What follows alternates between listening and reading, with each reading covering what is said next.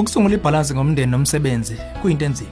Uma sifaka wonke umqondo wethu emsebenzini yethu, umndeni ngapha uyalimala. Manje futhi sidinga ukwenza imali eyanele ukunakekela yona imindeni yethu le. Sizokhuluma kabanzi ngalenzuka ayikeyi khona la ohlelweni ezomndeni. Hlala ungasuki.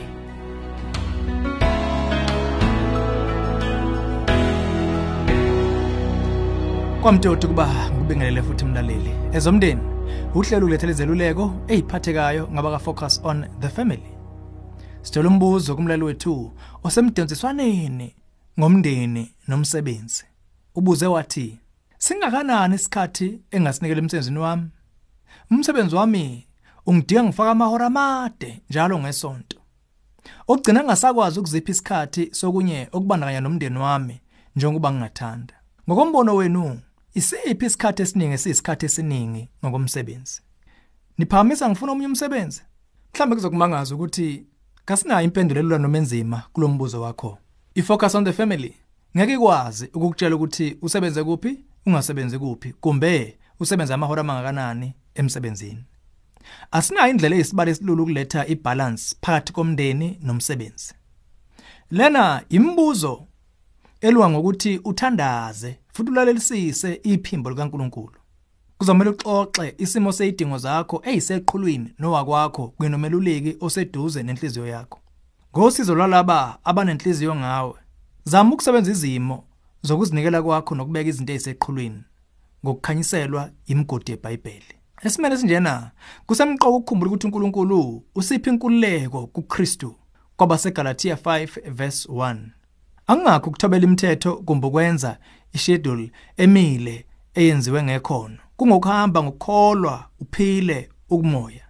Ngakuba amahora akho amade anomthelo omubi emshadweni wakho, emndenini, empilweni, kumbe nobudlelwane nabanye. Umbuzo lo udinga ukuba uyibuze wona.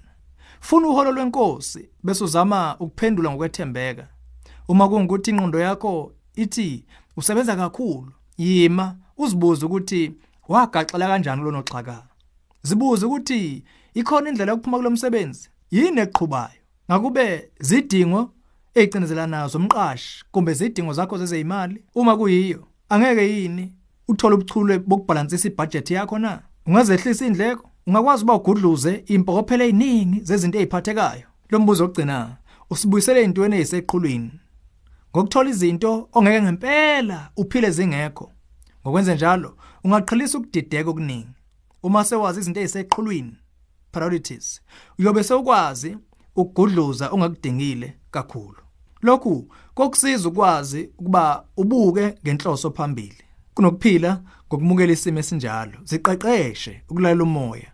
Zama ukuhlukanisa ukuthi ikuphi akufuna kuwe. Udaba lokwazi ukuhlela isikhathi sakho ngokomdlandla nokupheliseka kobizo olungawe siqu. Mhlawumbe ucabanga ukuthi lesiluleko siyangena khaxa esimweni sakho. Mhlawumbe ukholwa ukuthi konke okuseqhulwini kuwe kumi ngononini. Mhlawumbe usebenza amahora amade ngenxa nje yomqasho ongakucabangeli. Uma kunjalo, kungakuhle uqala ufuna omunye umsebenzi.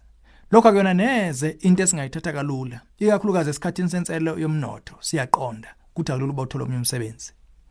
Inkinga ukuthi uzizwa ucindezelekile, ungathokozele ngomsebenzi wakho, futhi uncintshwe ubudlelwano nomndeni wakho. Ekhaya mhlambe sekuyisikhathi sokuphuma ngokholo manje kuba uthathe irisk. Awudingi ukuchitha impilo yakho yonke uzonda lokho okwenzayo. Nakho kumbala ungakubeka engqondweni usafuna umsebenzi omusha.